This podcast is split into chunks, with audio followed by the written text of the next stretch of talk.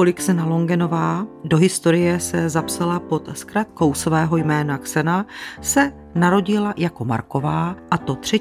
srpna roku 1891 ve Strakonicích.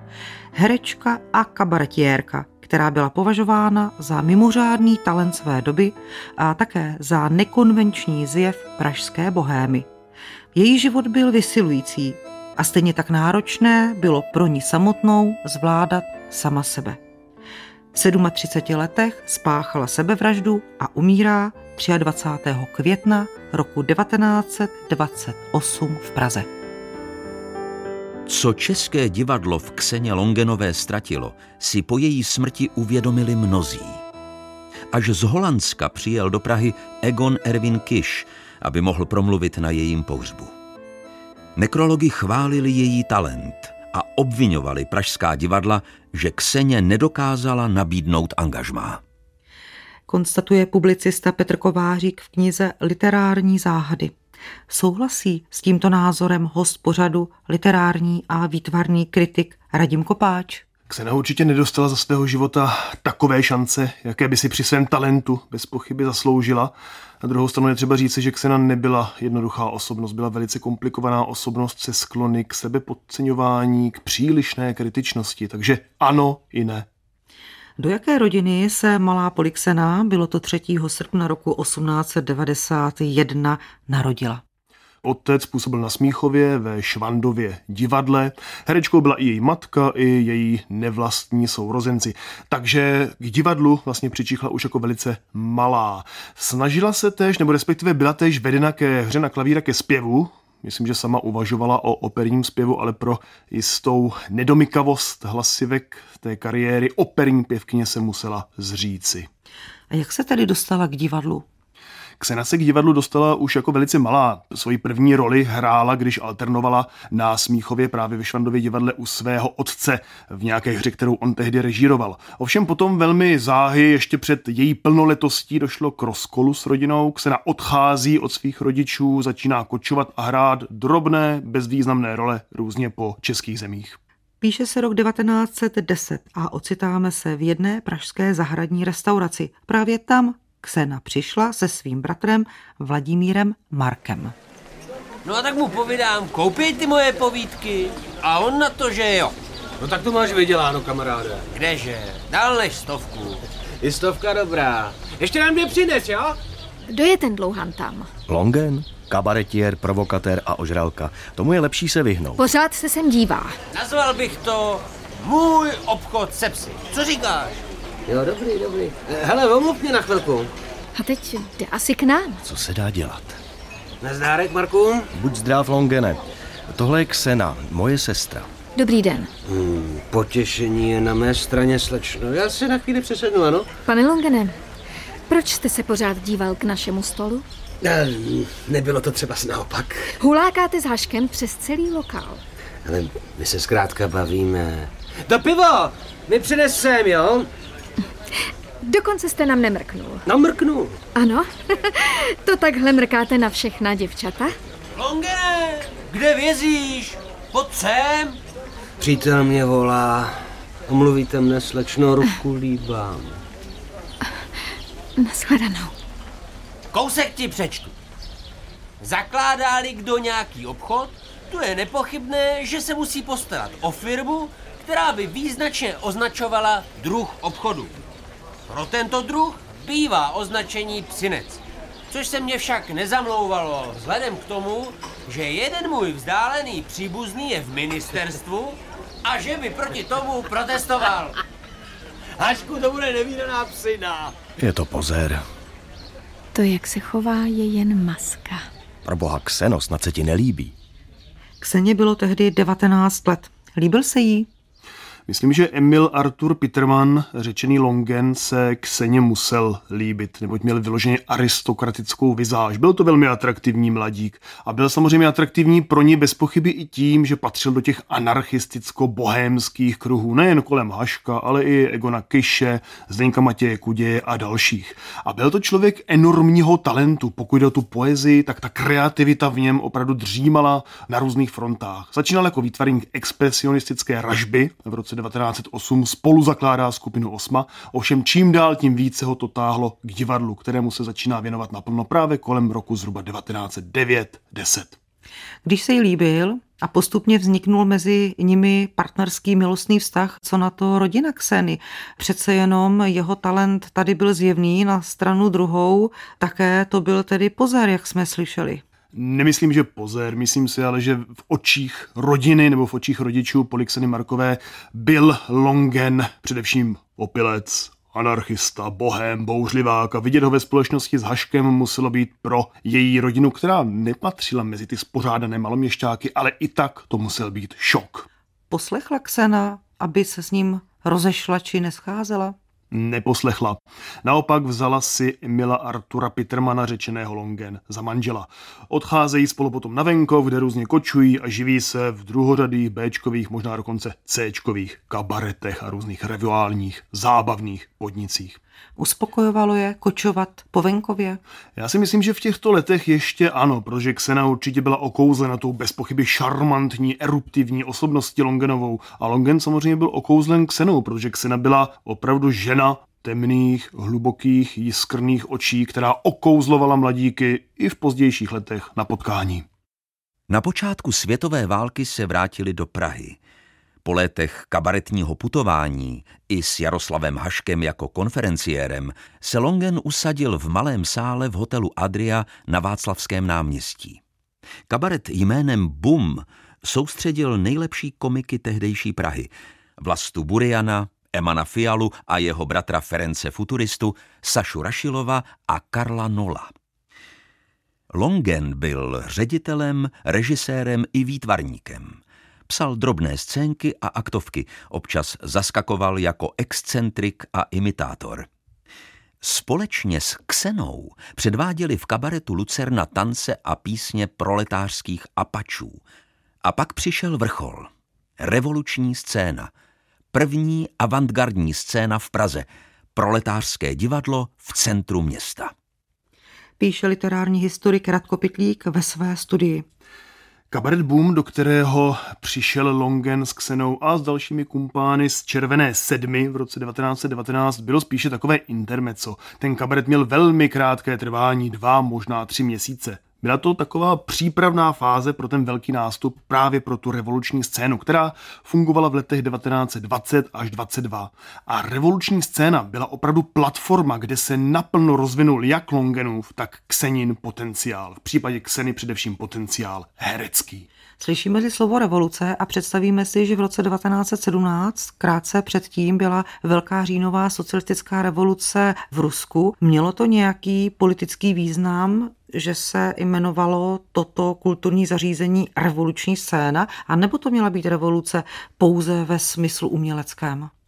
Tak i tak pro Longena určitě platilo, že z té role toho anarchistického bouřiváka a bohéma se velmi záhy přerodil, řekněme, v marxisticky orientovaného socialistu nebo v toho bolševika ruského typu. Na druhou stranu on ty podněty pro své divadelní kreace nasával především na západě. Říkalo se, že Longen má vzory, inspirace západní, ale jeho srdce bije na východě.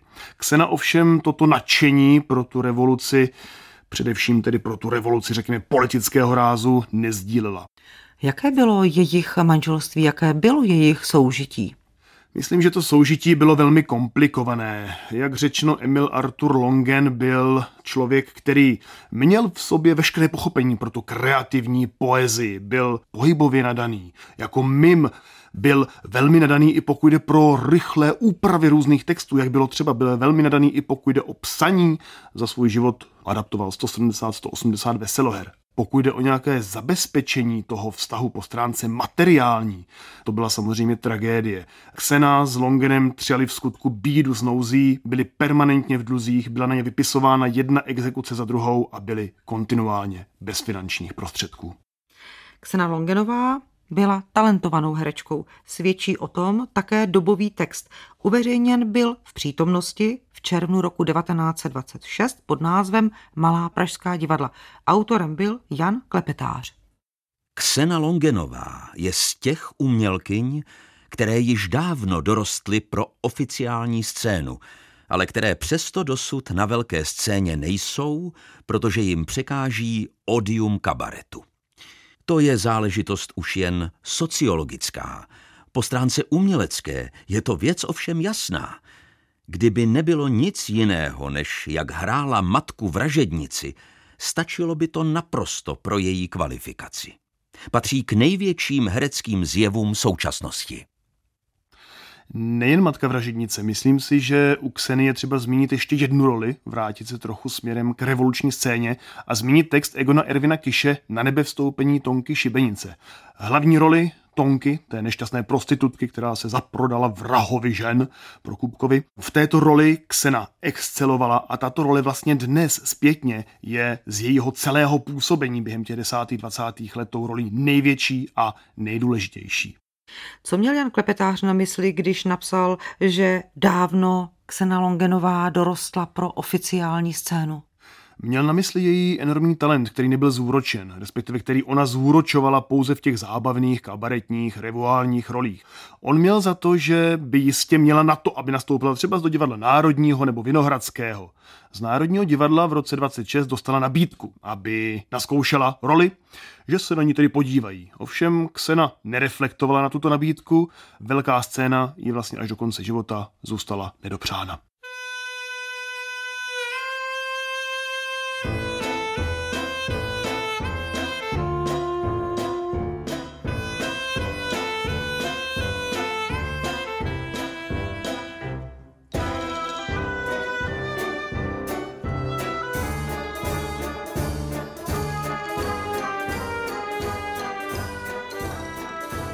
Je zima přelomu let 1927 až 28 a my se ocitáme v jedné z pražských nemocnic. Kseno, Kseno. Emile, to jsi ty. Já, jsem to já. Tvůj Emil. Jaký pak můj Emil? Upravím ti polštář, chceš? Najednou si pozornost sama. Ale kvůli tomu jsem musela skoro umřít. Kseno, prosím tě. Nechoval jsem se k tobě vždycky vzorně. Vím, ale jiný už prostě nebudu. Lidi jsou pro tebe jen figurky do dalších frašek. Kseno, Já jsem pro tebe jen postava pro nový román. Hm, máš aspoň o čem psát. prosím tě, co jsi to provedla? Spolikala jsem Verunel. Co pak to je řešení? Co s herečkou bez angažmá? Co s bezdětnou paní, co žije s fanfaronem a ochmelkou? To angažmá ti určitě seženou. Už nevím, jestli ti můžu věřit. A jak se teď cítíš? Jako po nebeským flámu. Pustí tě brzo? Za tři dny bych měla být odsud venku. Kseně bylo tehdy 630 let, když se poprvé pokusila o sebevraždu. Bylo to opravdu proto, že potřebovala více Longenovi pozornosti, zájmu, obdivu.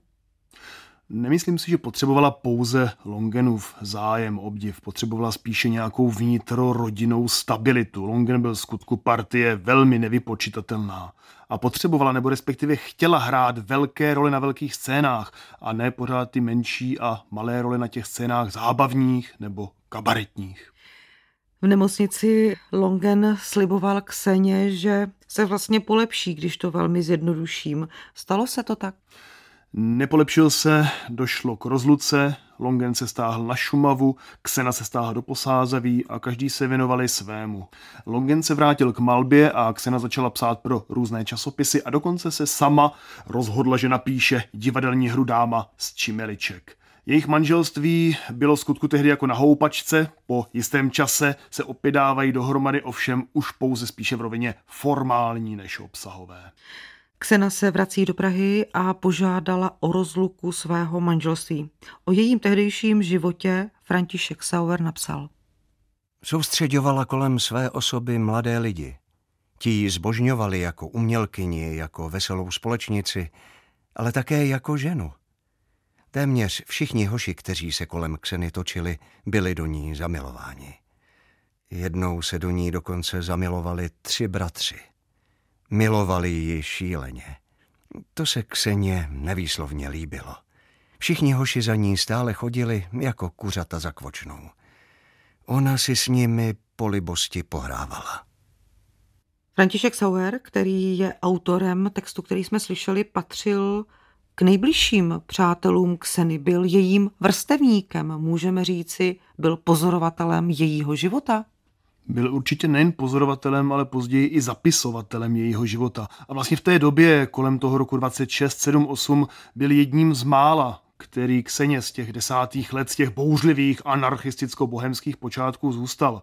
Hašek umírá v lednu 23 v Lipnici, Egon Erwin Kiš byl tehdy na cestách, podobně Zdeněk Matěj Kuděj, čili Sauer byl logicky tím, který byl tehdy Kseně nejblíž.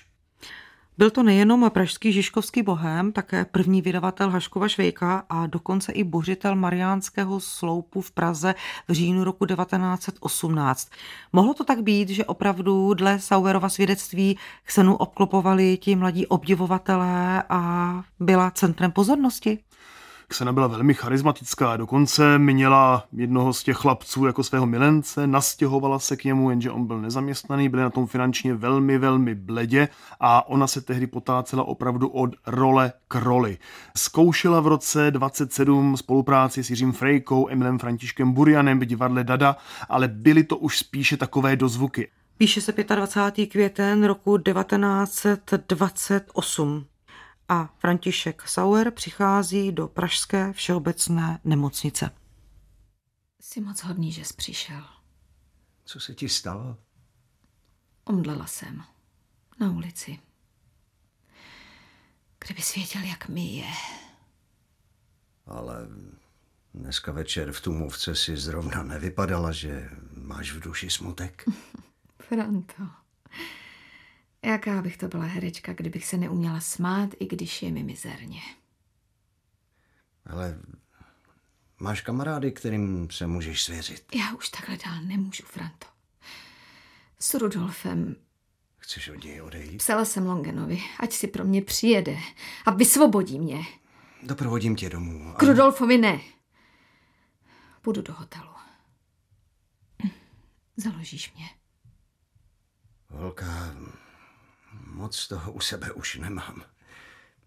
Ale na jednu noc to snad bude stačit. František Sauer Ksenu nejen takzvaně založil, ale také ji doprovodil do hotelu Adria na Václavském náměstí k onomu mladému milenci Rudolfovi, jak jsme slyšeli, se vrátit nechtěla. Domluvili se, že druhý den v poledne ji František Sauer vyzvedne. V tu samou noc ovšem napsala Emilu Arturu Longenovi naléhavý vzkaz Přijeď si pro mne, odvezeš si mě, Arture.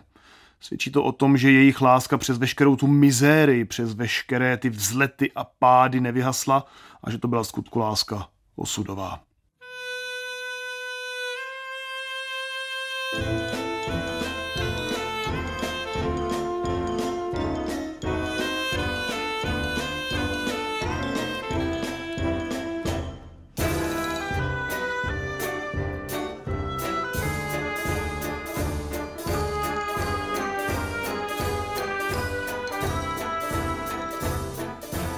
Řada zvratů ale následovala po celou noc. Jedna ze vzpomínek Františka Sauera. Ke třetí hodině z rána s umdlenýma nohama zašel jsem do Žižkovské noční kavárny, kde se říkávalo u vočuchané Fuxie, jinak u Linhartů a také u města Velvar. Sotva, že jsem vešel, dozvěděl jsem se příšernou novinu, že Ksena skončila svůj život skokem z okna. Aniž bych byl slova promluvil, spěchal jsem s několika kamarády na hrůzné místo, kde jsem však nespatřil nic jiného než rudou kaluž. A večerní české slovo 25. května roku 1928 otisklo tento článek. Očitý svědek, který bydlí naproti, nám píše, že pád zaslechl krátce po 11. hodině v noci a vyhlédl z okna, když na ulici nastal ruch. Jedna ducha přítomná žena zazvonila u domu. Když domovnice otevřela, byla těžce nemocná žena v bezvědomí odnesena do domu. Záchranná stanice přijala až pět minut před 12. hodinou, ačkoliv ji několik přítomných volalo telefonicky. Umělkyně umřela cestou, když ji záchranná stanice vezla do nemocnice. Kseně bylo tehdy 37 let. Pro tehdejší společnost byla tato událost šokem. V časopise Přítomnost se po pár dnech objevuje text jednoho z jejich dopisů. Moje všechny pokusy dostat se k nějakému divadlu stroskotaly. Pěkně vás prosím.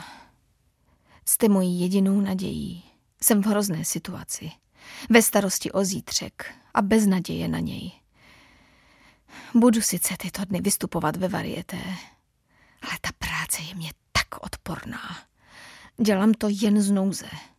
Nenávidím už tyhle tingle které mě oloupily o nervy a o zdraví. Věřte, že si připadám jako nejopuštěnější tvor. Myslím, že je tady pro Ksenu Longenovou v posledních letech řečeno opravdu vše.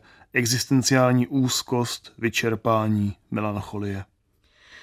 V tiskovině rozpravy Aventina vyšel nekrolog nazvaný Zemřela nejvtipnější Evropanka. Autorem byl A.C. Nor. Znali jsme její život, možná ne dokonale, ale při všem neštěstí, jež se na ní věšelo posledního roku, jsme nemohli uvěřit, že by byla toho schopna. Zdálo se, že má život ještě příliš ráda. Byli lidé, kteří tvrdili, že kdyby k něčemu takovému došlo, bude to jen gesto a scéna. Ale my jsme věděli, s jakou krutou opravdovostí a s jak brutálním žalem hraje tato herečka svůj život.